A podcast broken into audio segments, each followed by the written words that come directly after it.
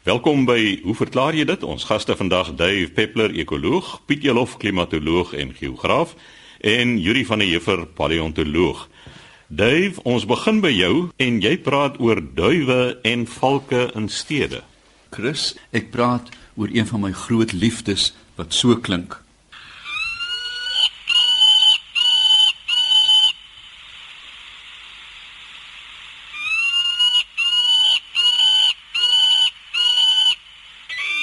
die wonderbaarlike roep van die swerfvalk.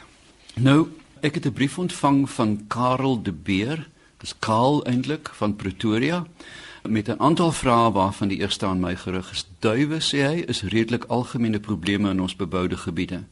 Ek het al duif peppler daaroor hoor praat en ruk gelede. Nietemin, hier is my vraag. Hoekom is daar nie meer valke in ons beboude gebiede wat die duwe kan vang nie? Ek sou dink dat daar baie valke behoort te wees want kos en verblyf is volop. Is daar 'n ander manier hoe mens valke na die gebiede kan lok nie? 'n Valkhok soos waarmee hulle uile met uilhokke gelok word of iets dergeliks. Karl, dis 'n interessante vraag. Ons het al geraak daaraan, maar kom ons herbesoek gou net die hele verhouding van die mens of tussen die mens, die duif en die valk. Nou ons verhouding met beide die duif en die valk is so oud soos die mensdom self.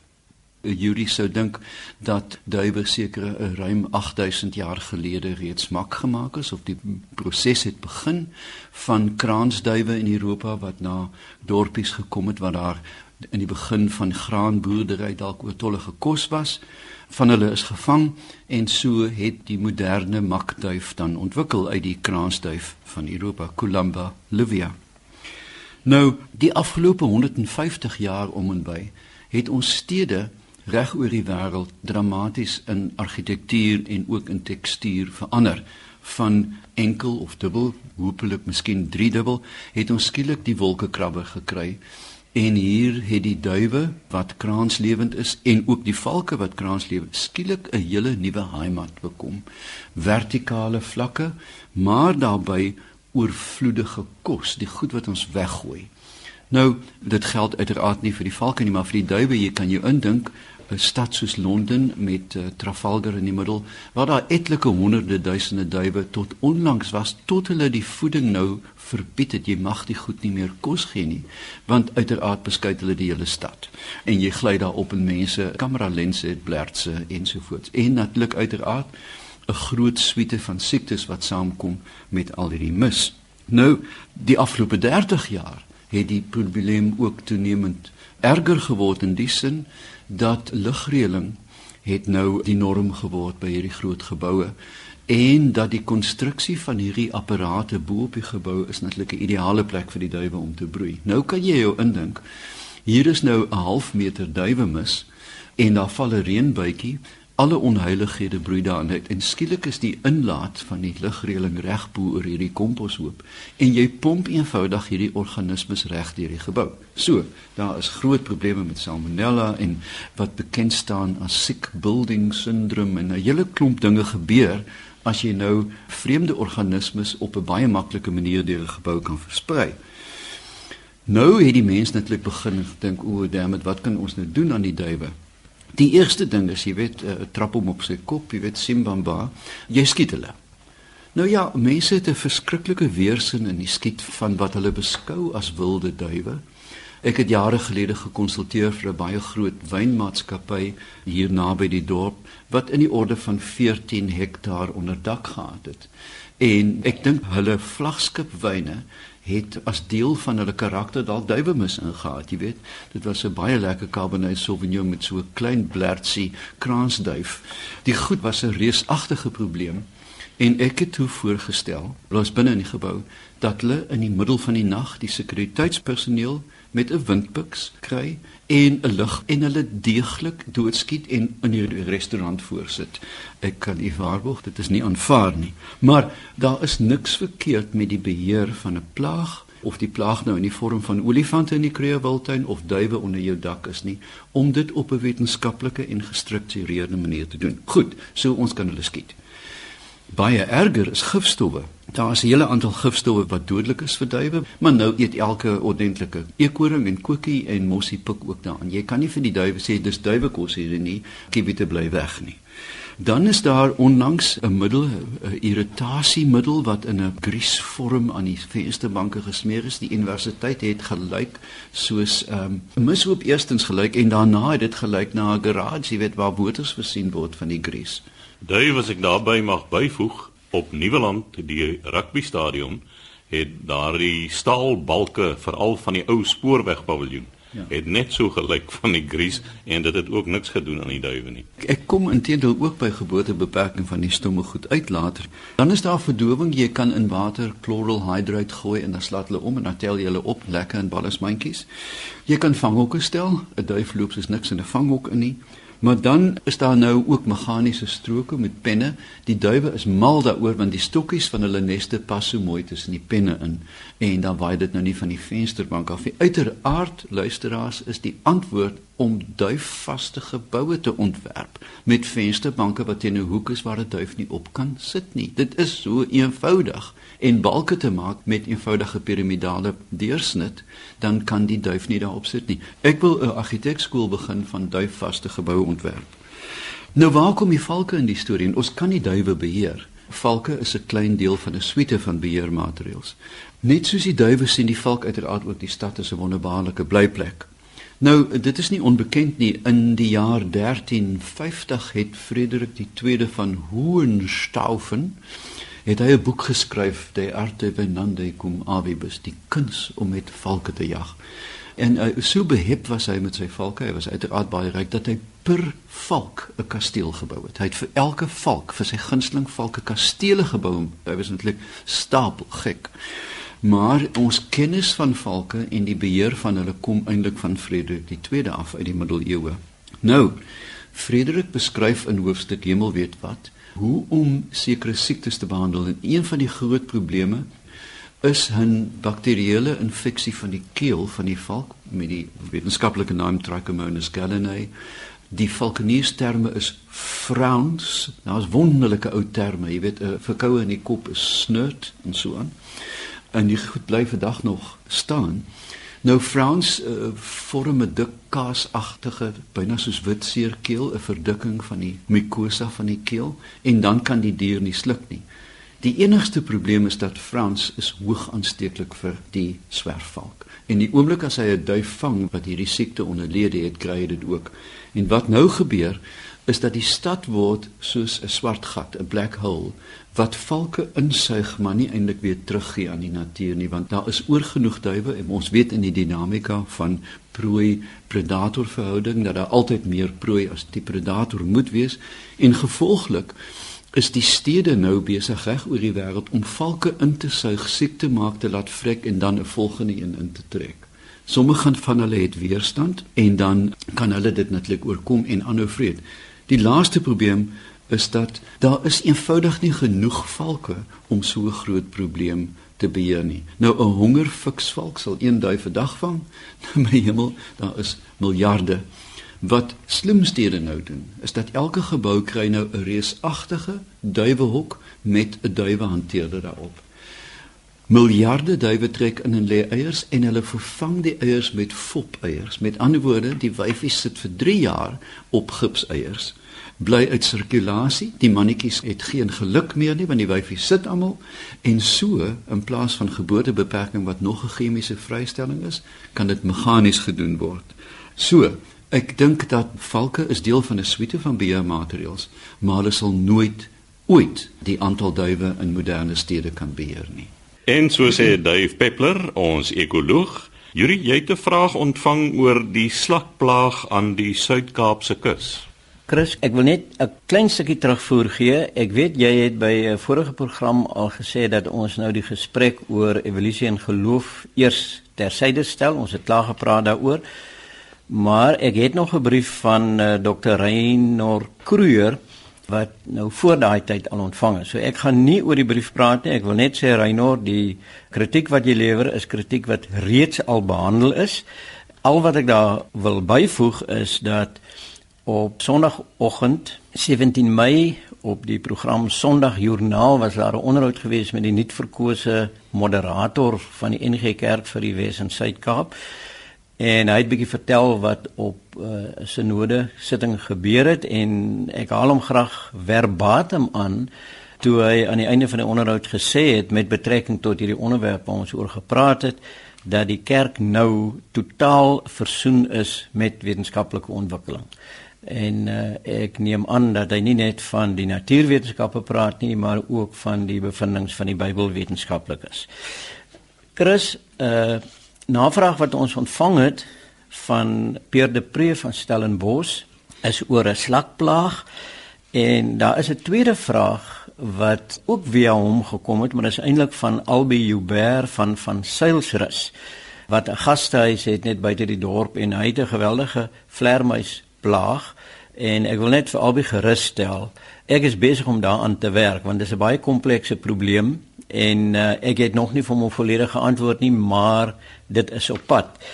Wat Pierre de Pre gedoen het, is hy het 'n foto aangestuur van slakke wat hy gesien het wat teen pale sit in groot getalle toe hulle hier in die rigting van die Suid-Kaap gery het en hy wou geweet het wat gaan hier aan. Nou uh, die probleem is bekend maar om meer gedetailleerde inligting kry het ek met uh, ons slakman die slak kenner van Selmbos gaan praat Dr Willem Sirgel en wat Peer gesien het is sulke klompe troppe ek weet nie of mense van 'n trop slakke kan praat nie knoets, ja, klont miskien. van die slakke wat teen pale sit, hulle sit ook op bome en op plante. Dit is die bekende Theba pisana. Dis 'n duinslak en dit het hier in Suid-Afrika aangekom volgens Willem Sirgel rondom die laat 1800s waarskynlik in perdevoer en dit kom natuurlikerwys uit die Middellandse Seegebied, maar dit het nou versprei die slakke na baie ander lande waar hulle groot probleme veroorsaak. In Israel byvoorbeeld vorm hulle klonte op die mikrospuite in die landerye, dan verstop hulle die spuite en uh, die besproeiing kan nie plaasvind nie. Hier by ons as hulle in die graanlande kom, dan uh, verstop hulle die masjinerie, die oesmasjinerie verstop hulle en natuurlik besoedel hulle dan die graan. So die produk wat jy kry is uh van 'n laer graad. Nou die slakke hou gewoonlik in die kusgebiede en daar word gesê dat hulle dikwels 'n digtheid van tussen 300 en 700 slakke per vierkante meter kan behaal. En wat hulle doen as hulle so op die palle klim soos wat uh, Pierre nou gesien het, hulle is besig om te estiveer, dis so somerslaap wat hulle ingaan en hulle sit gewoonlik aan die sonkant van die palle. Omdat die doppe nou ligkleurig is, weerkaats dit die sonlig so hulle oorverhit nie en omdat hulle so in groot getalle sit, keer hulle ook dat die ding wat hulle op sit baie warm word. Ek het nou vir my kollegas 'n foto saamgebring van waar die slakke nou op 'n peulplant sit want hulle sit dikwels op sitrusbome sitrusgewasse, hulle sit op druiwe, peulplante en op graan pak hulle ook saam.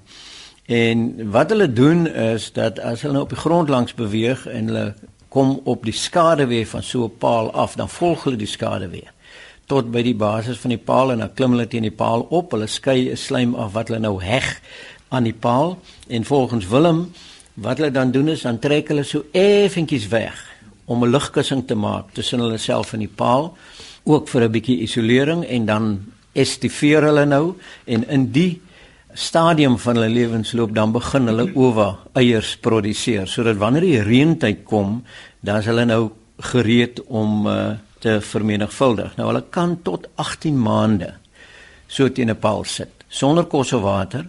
En Willem noem die uh, een insident wat hy gesien het toe hy die Natuurwetenskaplike Museum in South Kensington in Londen besoek het. Hulle het altyd gepraat van die Britse museum, maar omdat hulle nou 'n kulturele museum en 'n natuurwetenskaplike museum het, is hy so 'n paar jaar gelede besluit om dan nou net te praat van die Natuurhistoriese Museum in South Kensington. Daar het een van die kurators 'n uitstalling van slakke gemaak en hy het een van die slakke in die hande gekry en dit liggies teen die panele wat nou die uitstalling beslaan het vasgelym en die slakke daar vir 4 jaar gesit en toe die uitstalling nou uiteindelik afgehaal word en die slak word nou liggies losgemaak, toe sien die man die slak lewe nog. So dis 'n lewende slak wat en dis natuurlik baie versigtig gehanteer want jy wil nou nie die dop beskadig nie. So hulle is by magte om wanneer hulle teen die pale sit, uh, stof af te skei wat hulle groei vertraag en dan kan hulle volgens die verhaal tot 4 jaar lank estiveer. Nou van die probleme wat hulle veroorsaak, soos Willem sê, is na die Tweede Wêreldoorlog by ons waar die uh, militêre vliegtye nog geland het op die aanloopbane het hulle van tyd tot tyd van die slakke gekry en daar was so baie van hulle gewees dat die vliegtye met landing begin gly het. So dit kan 'n ernstige probleem wees en hy noem insidente in Noord-Afrika waar hulle op die treinspore beland het. En as jy nou die treinspoor so effens uh, opdraand, sê maar nou 'n skotige opdraand het en die trein moet daar uit, dan in die treine begin gly op die spore as gevolg van die slakke. Nou een oplossing miskien is om te weet dat die slakke eetbaar is. En ons kan ons miskien self uit hierdie probleem uit eet as mense ooreed kan word om dit te doen. Maar ek dink Dave jy sal seker ook onthou die wingerdslakke wat ons hier op Stellenbosch het groot probleem en 'n klompie jare gelede, ek dink dit was Willem se advies geweest dat die wingerdplase moet slakke aanbied op hulle spyskaarte. Wat hulle wel gedoen het, maar na my beste wete was dit eintlik nie suksesvol nie. So hier is 'n baie interessante geval van 'n indringer dier wat groot probleme vir ons veroorsaak. Yuri, ja, ek sê slakke eet, ek eet bykans enige ding. Maar ek het ook gedink onlangs was ek in Sudan met soortgelyke pla dat hier is 'n totaal onbenutte bron van beide kalsium en proteïen vir dierevoer. Kan jy mens dit nie omskep in hoenderkos nie? Kyk, 'n hoender is baie lief vir 'n slak. Nou as 'n mens dit goed meganies stroop, dit sal baie werk met die hand stroop, nie meganies nie. In sakke soos jy akkers optel, dink ek is daar 'n groot werksgeleentheid om hoë kwaliteit dierevoedsel te produseer. Ja, Dave, ek verneem ook dat daar heelwat plase is in die Weskaap waar hulle eende gebruik in die wingerde waar hulle die eende op waantjies vroegoggend uitry na die wingerde toe, hulle loslaat en dan die slakke dan nou daar eet of verwyder en dan vanaand kom die waantjies verby en die eende loop in 'n ry en klim op die waantjies gaan terug huis toe. So daar is 'n moontlikheid om dit op hierdie manier te benut sekerlik. Nou ja, die man wat vir ons vertel het van die slakplaag aan die Suid-Kaapse kus was Yuri van der Heever ons paleontoloog. Laaste aan die woord Piet Elof, klimatoloog en geograaf. En Piet, jy gesels oor die ontstaan van dorpe. Dankie Chris. Vir 'n lang tyd is ek nou nie vandag in die wolke of deur die mis nie, maar ek bevind myself op die grond waar ons 'n bietjie kyk na die ontstaan van dorpe. Wim de Klerk van Bloemfontein sê hy en sy vrou toer graag deur die land. Die Karoo is een van sy gunsteling gebiede. Maar sê hy die dorpies lyk vir hom net asof hulle agteruit gegaan het. Hoekom het hulle hier ontstaan? Dis 'n ander vraag wat hy vra. Uh, hoekom groei hulle of soms nie? En of ons kan help om antwoorde of verklaringe hiervoor te gee. Wim, die vraag is eintlik wanneer hierdie dorpe ontstaan het en waar hulle ontstaan het en hoekom hulle op daardie spesifieke plekke ontstaan het. Nou antwoorde hierop werp gewoonlik lig op die daaropvolgende groeiproses. En ek is bevrees jy sal met twee sondae bietjie minder aandag gee aan jou braaivleisvuur want dit gaan 'n tydjie neem om antwoorde te gee op al hierdie vrae. Nou ek wil vandag begin deur 'n klassifikasie van dorpe deur te gee en hier het ek gebruik gemaak van een van my mentors en later kollega professor Isak van der Merwe het 'n boek geskryf oor die stad en sy omgewing. En hier is 'n klompie dorpe wat ons klassifiseer. Ek ek gaan 'n klompie van hulle noem en kyk hoeveel van hulle ook vir Suid-Afrika van toepassing is. Eerstens het ons militêre dorpe. Die is gewoonlik gestig sodat dit teen die vyand veilig was. Heuwels of bergkruine ensovoorts. In Suid-Afrika is daar nie volop voorbeelde hiervan nie. Bloemfontein is gestig as 'n militêre sedel. Hy was goed geleë oor die gebied waar beheer uitgeoefen moes word. So ons kan dit ten dele beskou as 'n soort van 'n militêre dorp, maar ook as 'n administratiewe dorp. King Williamstown Fort Beaufort in Simonstad was ook waarskynlik van militêre oorsprong geweest. Dan het ons handelsdorpe. Dit is gewoonlik waar daar 'n sameloop van verkeersroetes by 'n bergpas is of rivierkruisings is. Ons het min van sulke voorbeelde in Suid-Afrika. Nywerheidsdorpe, hulle het gewoonlik al ontstaan te danke aan die totstandkoming van 'n fabriek. En hier kan ons kyk na dorpe so Sasolburg, Sekunda, selfs Ashton wat 'n inmaakfabriek is hier in die in die Wes-Kaap. Dan myn dorpe natuurlik, die onthou ons is gewoonlik naby of 'n plek waar 'n spesifieke delfstof ontdek is. Dorpe is eintlik eh, uit mynkampe ontwikkel om in die behoeftes van die mynaktiwiteite te voorsien. Hier kan ons noem Welkom, ons kan noem Okiep, Sishen, Katu, almal voorbeelde van sulke dorpe wat ontwikkel is waar daar spesifieke delfstowwe ontgin is. Hulle groei aanvanklik vinnig, maar as die delfstof opraak, het dit natuurlik nadele vir daai spesifieke dorp. En so het ons ook dan langs ons Weskus in Suid-Afrika sogenaamde spookdorpe waarvan ons van tyd tot tyd ook maar lees in die tydskrifte van plekke in Namibië waar daar voorheen diamante gedelf is en nou is dit net 'n spookdorp en sand wat in die huise inwy ensovoorts. Natuurlik is daar natuurlik ook myndorpe waarvan die spesifieke funksie verander oor tyd. Dorpe soos Kimberley en selfs Johannesburg kan vandag nie meer noodwendig bestempel word as 'n myndorp nie. Hulle het nou ander funksies bygekry en hulle voortbestaan is dan gefestig op hierdie ander funksies wat hulle verrig.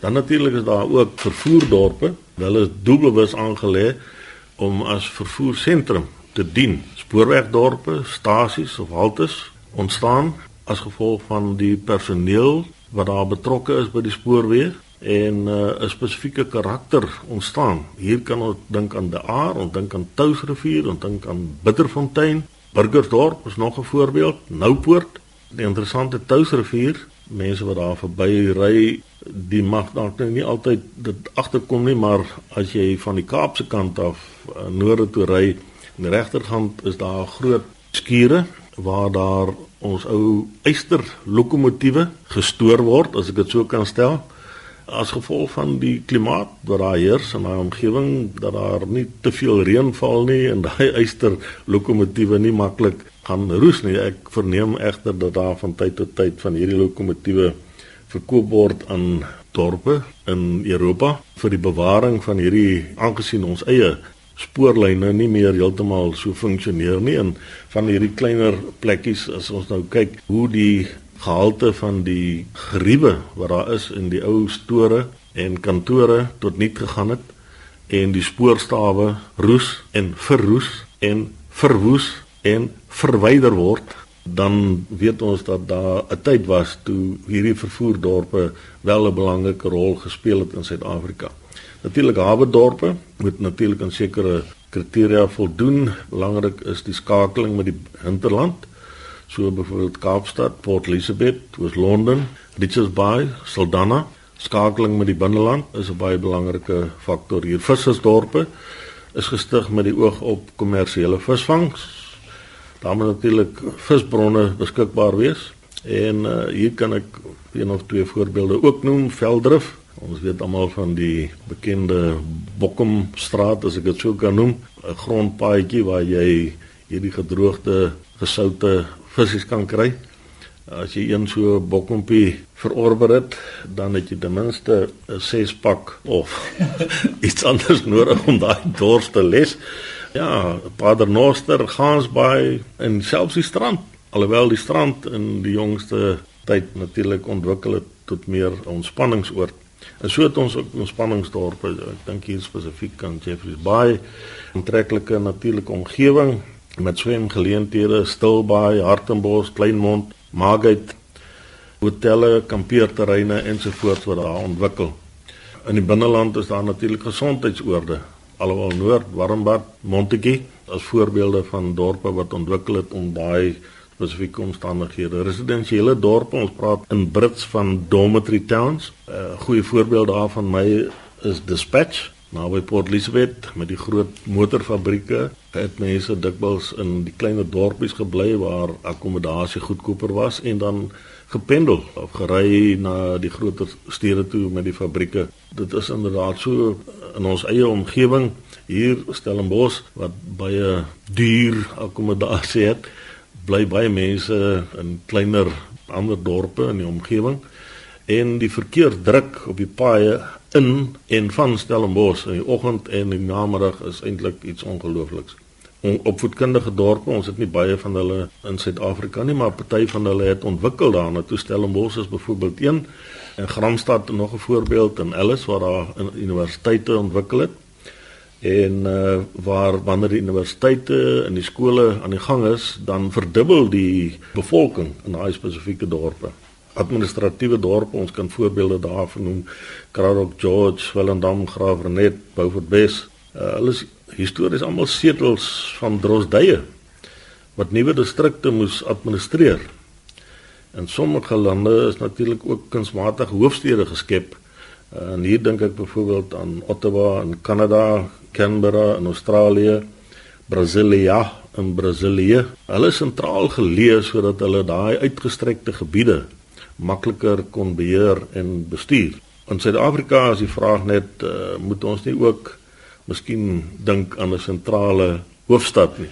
Nou dit is 'n heel kontensieuse saak. Maar Wim nee, ek ek gaan hierby volstaan vir hierdie week. Ek sal graag nog een van hierdie spesifieke tipe dorpe in die klassifikasie wil bespreek en dit is sentrale plek dorpe en ek dink dit is wat julle in die Karoo gereeld sien en deurgereis het en ek sal bitter graag 'n bietjie meer inligting daaroor wil gee in 'n volgende program. So sê Piet Elof, ons klimatoloog en geograaf, daarmee het die tyd ons ingehaal. Skryf gerus aan ons by hoe verklaar jy dit posbus 2551 Kaapstad 8000 of stuur 'n e-pos aan chris@rsg.co.za.